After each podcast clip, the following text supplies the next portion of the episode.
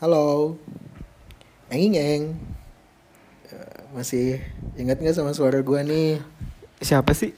Siapa ya? Siapa sih? Siapa ya? Ya, gue Dedot deh.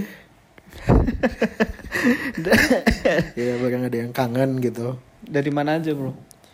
Gue habis tapak. Udah lama ya? Udah lama gue ngisi ini ya? Udah lama gue ngisi. Lewat berapa episode bro? Ya, kan gue ngasih kesempatan buat Mbak Widi untuk eh, ya kapan-kapan kan gue yang sama Mbak Widi nanti. Iya betul juga. Yo, bareng gue Dedot di This Indonesian Live Podcast. Mainkan.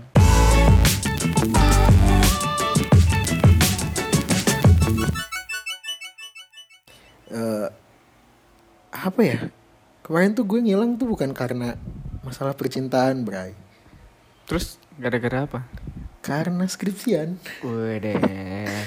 Karena kita akan membenahi hidup gitu. Kan nggak selamanya kita kabur dari skripsian. Nggak. Ada ada kalanya kewajiban tuh yang harus dipenuhi Ah, gitu kan betul ya. itu. Makanya sorry banget kalau misalnya gue absen beberapa episode di ah, episode di Indonesian Live Podcast. Kali ini kita bakal bahas apa nih, Vin? Kali ini kita bahas tentang cinta-cintaan remaja. Aduh. gitu. Kalau bagian gue selalu aja cinta-cintaan. Banyak tuh yang komen ya. Gue bucin segala Uh, anjir. ngeri banget ya. Iya. Gue kayaknya pakar cinta di di Indonesian Live Podcast deh. Kayaknya sih biasanya sih orang yang biasanya tuh orang yang dianggap sebagai pakar cinta itu orang yang paling sakit Iya. Ya, orang yang soal paling cinta, gagal, orang yang paling gagal soal Yang cinta gitu orang kan. yang paling gagal. Yang sering diminta nasihatnya, sering menti dicurhatin gitu, tapi malah Ditinggalin. tragis, malah ditinggalin gitu. kan. Betul betul betul. Nah, sekarang nih kita bakal bahas yang tentang apa tuh namanya? Kekerasan dalam percintaan ya. Wih, kekerasan dalam percintaan, bukan kekerasan dalam rumah tangga, Bro. Bukan, kita belum masuk ke rumah tangga, Bro. Oh iya, baru baru sebatas pacaran ya? Iya, baru sebatas awal untuk menjalani yang namanya rumah tangga gitu kan. Step awal Iya, pacaran. step Emang ada ya awal. kekerasan dalam pacaran gitu? Cool. Kekerasan dalam percintaan gitu? Banyak sih sebetulnya. Hardcore gitu? Iya. Bukan. itu bukan ya? Masa Sorry, sorry. sosis. Sorry, sorry, sorry, sorry. Beda itu beda konteks. Oh, itu beda kekerasan konteks. dalam kenikmatan gitu kan. Oh iya. iya. Beda. Jangan dibahas deh, jangan dibahas. Jangan, Kekerasan jangan dibahas. dalam hubungan ya. Iya. Berarti ada tuh yang main fisik ya, banyak ya. Ada. Ada beberapa yang Kalau konteks kita lihat konteks kekerasan kan fisik biasanya. Iya Kalau betul. nggak fisik verbal kan. Mm-mm. Kalau misalnya fisik berarti kalau misalnya dalam pacaran itu banyak ya yang misalnya yang sampai main tangan gitu main gitu ada. main tangan, main kaki atau apa Main gitu kaki? kan. Main kaki. Gila, bukan laki banget. Ya gini loh, eh kekerasan fisik kan biasanya tuh kayak apa sih tampar gitu kan ya. Ah, Nah, apa sih yang mendasari kok cowok atau cewek itu ketika dalam masa hubungannya atau masa percintaannya kok dengan mudahnya melemparkan tangan atau mengangkat tangannya gitu. Kalau menurut lo tuh kenapa sih kok dengan mudahnya mereka seperti itu? Apa ya kalau menurut karena gue nggak pernah keras main mainnya. Gue selalu lembut main gitu ya. baik hati dan tidak sombong gitu lembut gue kalau gue mikir ya sebenarnya kalau kekerasan fisik itu muncul ketika ini men. Ketika dia merasa memiliki. Karena apa yang sudah dimiliki itu menimbulkan hak bahkan dan kewajiban. Kayak undang-undang tuh. Nah kalau misalnya udah memiliki biasanya dia akan kekerasan karena tidak bisa ngontrol sih sebenarnya. Tapi atas dasar hak dan kewajiban yang sudah merasa dia miliki. Itu sih sebenarnya kalau misalnya gue. Padahal dari efek dari kekerasan ini gue mikir sih dari tangan dari apa misalnya dari hal kecil ya misalnya dari dia narik dengan keras gitu Misalnya ketika jalan dia narik ketika kesel dia eh, narik menyakiti lawan eh, menyakiti apa pasangannya itu bakal ngakibatin efek traumatik loh. Traumatik yang dal yang bisa jadi bahaya sih menurut gue. Itu bisa ngubah ke watak jadinya. Ada ada nggak sih cerita tentang misalnya temen lo atau kerabat lo sendiri yang mengalami hal seperti itu? kalau gue sendiri sih itu Wah kan orangnya lemah lembut ya, jadi kayaknya sih nggak ada. Tapi kalau misalnya gue sih lihat gitu, kayak nggak lihat sih, maksudnya menyimak dari sosial media dan apa pun, kayaknya sih banyak cewek yang merasa dirinya di eh, dikerasi, maksudnya di apa? Di ya itu mengalami kekerasan fisik dalam suatu hubungan gitu. Karena cenderung kalau namanya keras ya biasanya tuh cowok gitu yang dituduh gitu Hmm. cowok yang jadi pelaku gitu. Kalau menurut gue sih, iya bener gak sih kalau misalnya cowok tuh selalu jadi pelaku dalam kekerasan. Ya, mungkin itu salah satu faktornya kan. Hmm. Ah, kalau yang gue pikirin sih kayak gini. Kalau semisal udah yang namanya main kasar atau main tangan gitu, berarti kan salah satu di antara mereka itu sudah menganggap lawannya itu sebagai propertinya mereka. Properti men. Ah, yang kayak lo sebutin tadi kan kayak hak dan kewajiban gitu kan. Kalau lebih berujung, berujung lagi, nanti merujungnya ke properti gitu kan. Lo punya gua, lo sama gua. Kalau lo nggak nurut sama apa yang gua bilangin, gua kasarin. Kayak semisal lo pelihara, nggak sih nggak nggak pelihara kayak semisal kayak sirkus-sirkus gitu kan. Hmm. Kalau sirkus-sirkus kebanyakan kan biar hewannya nurut, mereka disiksa dulu sama majikannya. Apakah kalian terima apabila diperlakukan seperti itu gitu kan? Dianggap sebagai properti di antara eh di di hubungan kalian gitu. Berarti sebenarnya kalau misalnya gue jadi tarik besar ya, kan tadi kekerasan itu muncul karena adanya rasa memiliki yang berlebihan Ah, iya. dan tidak bisa mengontrol itu. Nah, berarti bisa dikatakan tuh dasarnya bucin banget ya men. Bucin. Dunia serasa milik kita berdua. Bucin. lihat ada si pasangan dekat dengan lawan jenis lain tidak boleh Mm-mm. mulai ada timbul rasanya tidak bisa mengontrol itu mulai timbul ada rasanya paksaan kekerasan baru muncul namanya kekerasan fisik Iya. bahkan gak sebatas fisik biasanya formal kayak misalnya lu pang manggil pasangan lu tuh dengan kata-kata yang tidak pantas loh Ya, kalau masih- bangsat Ya kalau masih Tai lu apa itu? Masih dalam kalau masih dalam konteks bercanda ya itu ya it's okay lah terserah Ah. bagaimana mereka mau menangkapnya gitu kan. Tapi kan kalau sudah dalam konteks emosi gitu kan artinya kan bisa menjadi beda dan bisa menjadi sakit hati gitu kan. Iya dan kekerasan ini dasarnya dari dendam ya. Kenapa gitu? Ya kayak misalnya itu, jadi kayak misalnya perlakuan yang tidak pantas dilakukan si pasangan menyimpan dendam itu maka timbul kekerasan. Banyak faktor kekerasan ternyata. oh, oh gue jadi kepikiran kayak gini apakah dulunya si pelaku ini pernah mengalami hal seperti itu Sepertinya. jadi nanti efeknya efek domino kayak misalnya eh, mos atau yang penerimaan mahasiswa baru itu kan Hmm.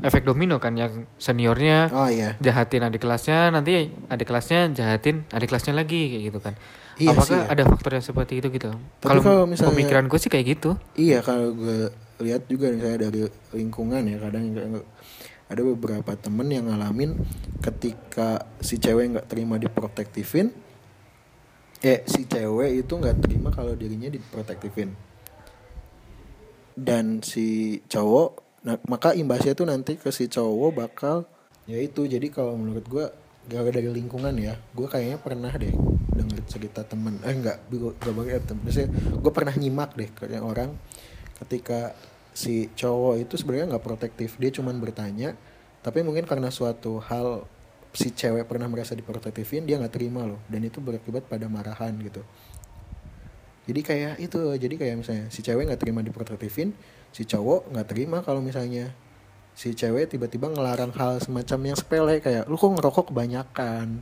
Lu kok main mulu? Gitu loh. Itu jadi pertengkaran nggak terima-terima akhirnya pertengkaran yang tadinya kecil bisa jadi kekerasan. Kalau menurut gue sih lihatnya gitu. Ah, iya sih masuk akal juga ya kayak gitu iya ya. kayak misalnya saling balas dendam gitu iya benar-benar lu udah ngelakuin ini ke gue kenapa gue nggak kayak gitu ke lu nah itu men poin yang itu men itu kan poin memiliki men iya poin hak dan memiliki. kewajiban itu karena karena Sebetulnya gak ada kewajibannya itu memiliki. cuma hak doang iya. Padahal gini ya men, kalau misalnya kita memasukkan suatu hubungan, kita tuh nggak punya hak penuh atas eh, kepemilikan itu, atas pasangan itu. Iya kita dong. nggak punya hak eksploitasi men. lo sokap Ah. bapaknya bukan Nah, ibunya itu. bukan lu tuh harus sadar gitu kan lu siapa gitu kan lu cuma sebatas pacarnya aja gitu Iya, pacar itu kan baru proses belajar, men. Iya. Saling mengenali. saling mana saling belajar gitu kan ya kenapa Iya. lo boleh. harus berbuat seperti itu Sebenarnya nggak boleh hak yang dilang hak apa masing-masing dari diri nggak boleh dilanggar, men. betul Itu Nah. juga sih ya. itu tadi kan lo sebutin kekerasan verbal gitu kan ya kayak Hmm. misal lagi emosi tiba-tiba eh ngatain lo anjing kayak gini. Gue misalnya gue udah lakuin ini semua buat lo tapi kok lo malah kayak gini sih? Lo nggak tahu diri banget harga diri lo rendah banget bla bla bla bla bla bla. Mungkin itu dalam suatu hubungan normal gitu ya tapi ada kalanya itu tidak normal. Bener sih nuntut ya. nuntut. Ya kayak semisal Terus anjing apaan itu hubungan toksik Jadi gue jadi males pacaran Di sini gue putusin Iya Iya. kayak punya pacar Iya. Jadi tuh dalam sebuah hubungan tuh lo tuh nggak seharusnya nuntut ini itu ini itu. Lo boleh ngasih saran tapi nggak boleh memaksakan saran lo. Nah bener Bener banget Bener banget Berarti kalau misalnya kita simpulin nih dari eh, episode kekerasan dalam apa percintaan sebenarnya awalnya itu dari hal sepele ya. Betul. yang tadi itu. Apa kayak misalnya ini apa kayak saling balas dendam karena perlakuan yang tidak mengenakan terus kayak ini men. Kayak gue mikir sekarang eh, apa kebebasan seseorang itu direnggut ketika dia masuk fase pacaran gitu men. Bisa jadi. hak dan kewajibannya men Ya contohnya aja ke- ketika lo PDKT gitu kan. Lo terserah mau PDKT-in siapa. Lo terserah, terserah juga mau jadian sama siapa gitu kan. nggak ada batasannya gitu. Tapi namun ketika sudah menjalin yang namanya hubungan pacaran, prinsipnya kebanyakan orang tuh ya lo milik gue, gue milik lo gitu loh. Dunia ini milik kita.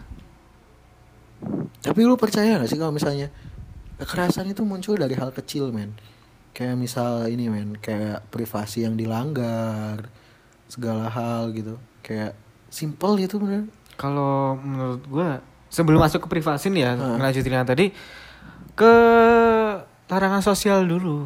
Larangan sosial gimana tuh? misalnya nih lo cowok nih punya cewek kan nah ketika lo mau nongki nongki nih terus kebetulan lo ada teman deket sahabat cewek dari kampus atau dari circle lo gitu kan.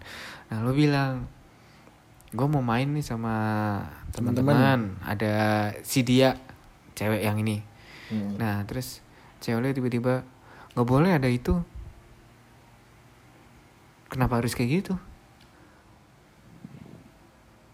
Ya itu men karena dendam men Oh iya, balik lagi ya ke Balik tadi ya. lagi dendam Muter-muter mulu di Iya situ ya. muter-muter dendam men. Iya kalau buka-bukaan nih Gue kayaknya pernah deh punya temen kayak misalnya Temen gua datang ke sidang gua tuh kemarin. Dia diputusin gara-gara foto sama eh, mantan gebetannya yang temen gua gitu. Itu sepele coy. Itu sepele coy. Karena menurut gue sih kalau misalnya gue lihat ya itu dendam tadi men. Misalnya si cewek pernah diprotektifin sama cowok. Nah setelah si cowok padahal nggak ngapa-ngapain si cewek kayak ngerasa punya hak. Lu kenapa sama dia gitu? Lu kenapa ngelanggar?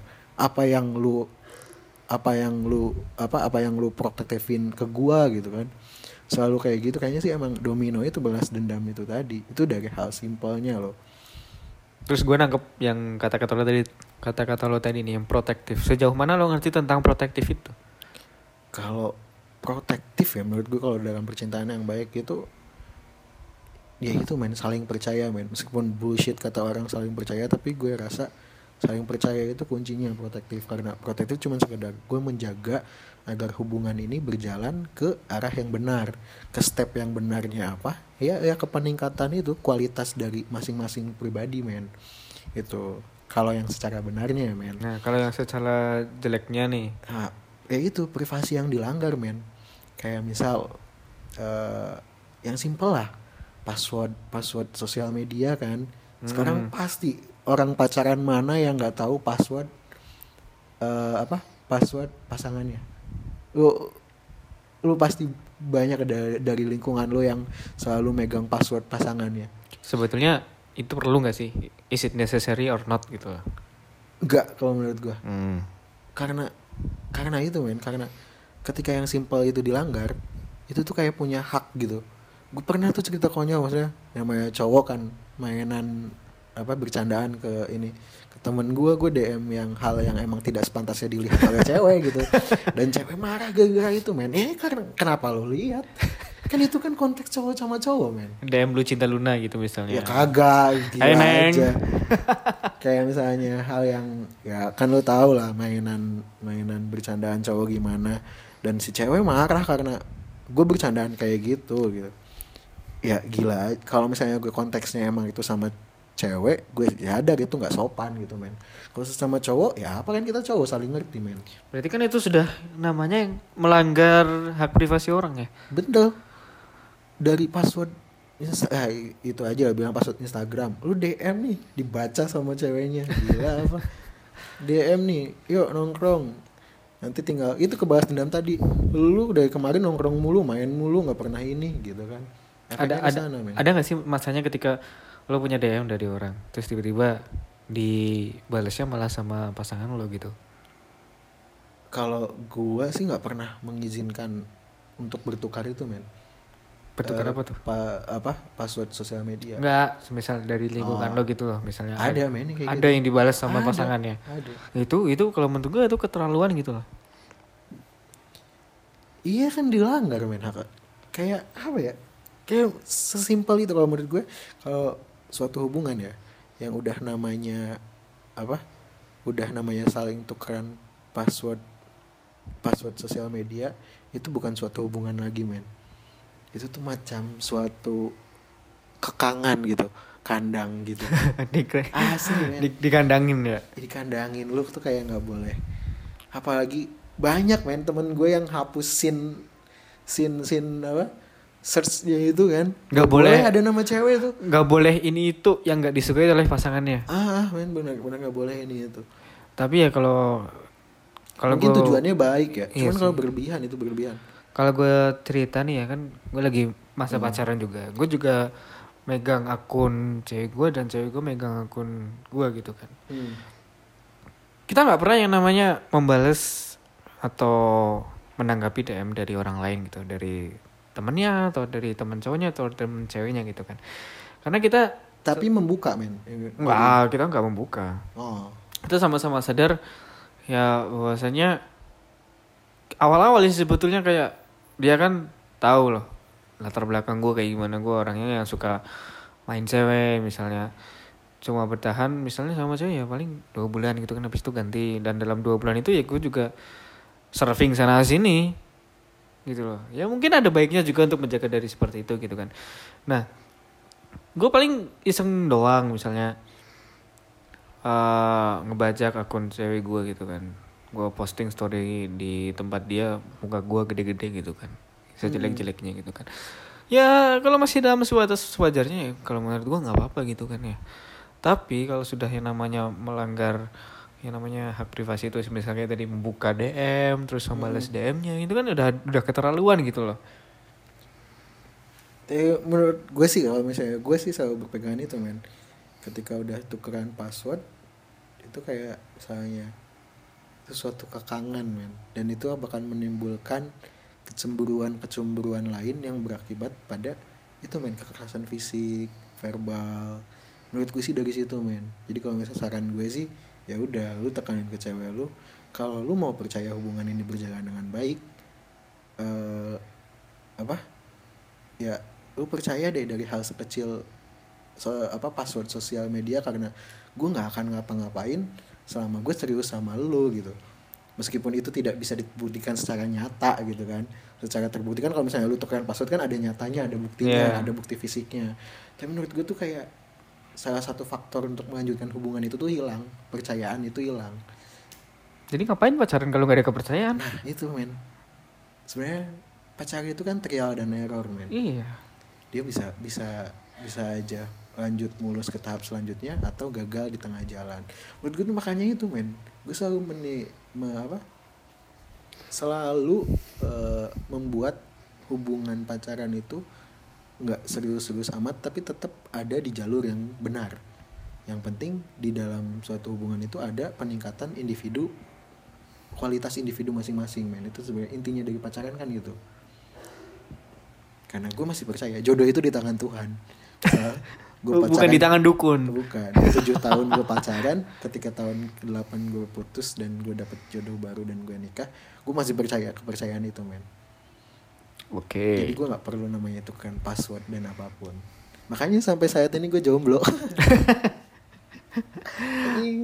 Lo pernah nggak semisal kan tadi udah tuh kekerasan fisik, verbal, sosial dan privasi privasi gitu kan. Kekerasan privasi Kekerasan berarti. privasi. Iya bisa disebut kekerasan bisa privasi. disebut kekerasan privasi Nah, lo pernah nggak semisal lagi masa pacaran nih, misalnya dari masa-masa ababil lah, Iya. bur- burung ababil, lo lagi pacaran, tiba-tiba ada cowok deketin cewek lo dan lo ngelabrak cowok lo, eh ngelabrak, pernah men? Itu zaman zaman SMA men. Gue sering berantem gara-gara cewek gue sering berantem tuh. Itu benar zaman zaman memalukan men. Makanya gue pernah mengalami masa-masa itu yang gue terlalu protektif dan hasilnya kandas.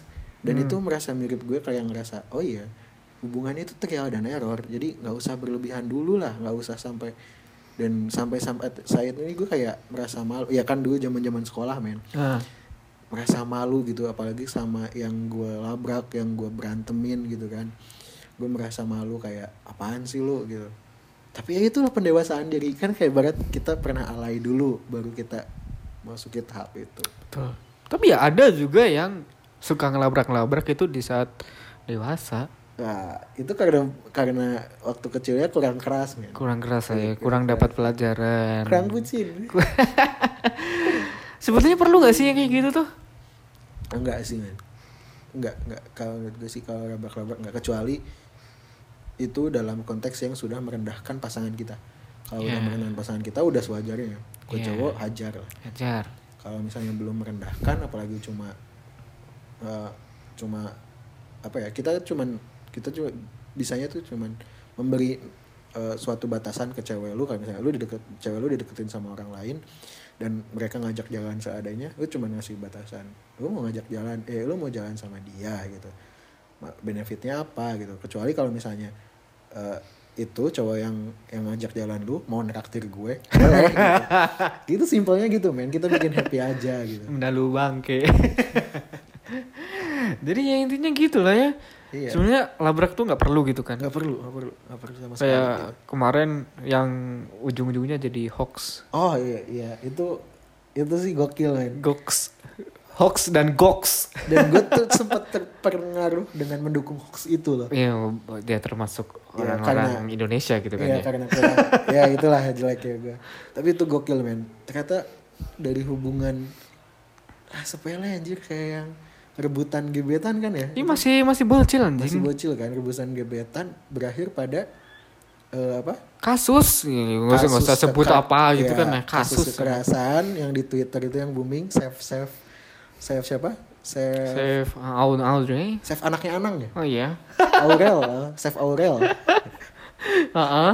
nah itu kan gue sempet apa ya gue sempet terpengaruh oleh ah itu loh gue bahkan mengutuk secara pribadi gue mengutuk pelakunya padahal kita nggak tahu kan Padahal, padahal hoaxnya ya itu kayak ah gila gitu udah itu hoax of the year. dan gue menyesal gitu ya kan dari has masalah kecil aja itu kan bisa merembet-rembet Nah, iya. dan semua orang tahu Nah, gitu dari kan. poinnya sih itu kita bisa lihat ternyata dari hal kecil rebutan gebetan bisa jadi suatu kekerasan yang itu anak men. Maksudnya masa depannya Iya, masih panjang. masih, masih panjang Ah. gitu kan ya. Dia kayaknya belum punya KTP tuh belum bisa nyoblos nomor satu apa nomor dua. Belum bisa eh, itulah men. Ya terlepas terlepas dia benar atau salah terlepas dari mereka atau salah kan awal mulanya dari situ kan ya. Iya awal mulanya dari simple suatu apa kekerasan itu. Kekera- awal mulanya dari hal yang simple jadi suatu kekerasan men jadi pesan lo buat remaja-remaja tanggung dan orang-orang di sana itu seperti apa mengenai percintaan ini? Batasan-batasannya gitu. Oh batasan-batasannya. Kalau gue sih nyaranin itu men. Jangan pernah langgar privasi ini. Privasi apa? Privasi pasangan lo gitu. Ah. itu yang pertama. Dan yang kedua gimana sih lo lo harus percaya sama pasangan lo? Dan lo percaya suatu hubungan pacaran itu eh, bukan suatu pengorbanan bukan suatu apa pun itu tahap bukan suatu pengorbanan yang akan menimbulkan tuntutan. Itu tuh cuma suatu pembelajaran untuk lo lebih dewasa untuk lo meningkatkan apa kualitas diri lo dengan mengenali pasangan lo loh. Betul. Nah, karena pasangan lo itu bakal jadi suatu guru secara tidak langsung eh, tahap sebelum ke tahap selanjutnya tahap yang lebih sakral itu ya nanti namanya pernikahan men. Iya. kalau menurut gue sih gitu. Oh lu lu pribadi deh kalau adik-adik imut di sana gitu. imut di sana tuh ya intinya sebelum lo semua ini memulai suatu hubungan tuh lo harus belajar bagaimana caranya menyayangi dan mencintai diri lo Oh, sendiri. love yourself man love yourself kayak lagunya Justin Bieber kan baby you should go and love yourself. Ketika lo sudah bisa mencintai dan menyayangi diri lo sendiri lo akan bisa mencintai orang lain gitu. Betul betul betul. Kayaknya orang emang dan posisikan diri lo ketika misal lo mau melakukan sesuatu tuh harus merefleksikan diri terlebih dahulu gitu. Iya, kalau misalnya lu pikir lu mau lu bertindak ini bakal menyakiti pasangan lu, ketika lu menyakiti pasangan lu, lu menyakiti diri lu sendiri, Iya, gitu kan men refleksinya. Emang emang lo mau disakitin kayak gitu? Nah, bener. emang lo mau dikasarin? biar nggak ada gitu? dendam itu tadi ya. iya. Emang lo mau ditabok? Emang lo mau ditampar, gampar? Nggak mau kan? Itu intinya sebetulnya. Iya. Terus kalau yang belum cukup umur jangan pacaran dulu lah. Iya, belajar dulu dari FTV gitu kan. Ya. yes. Oke. Jangan cepat mendewasa. Mendewasa pada porsinya saja. Iya, walaupun estrogen lo naik-naik terus kan. Bisa. ya udahlah. Oke. Ya mungkin percintaan itu ya sampai sini dulu lah. Lo yang Iya. lo yang harus memutuskan, lo yang punya ya, lo yang punya tubuh, lo yang harus memutuskan, lo yang harus berpikir harus ngapain. Ya, lu yang punya otak. Iya. Oke. Mungkin cukup sekian ya. Cukup sekian lah ya episode kali ini lah ya. Oke. Ya udah. Gue Dedot, pakar cinta di Sino Nasional Podcast. Dan gua Vino di sini. Bye bye. Bye bye. Semoga bermanfaat.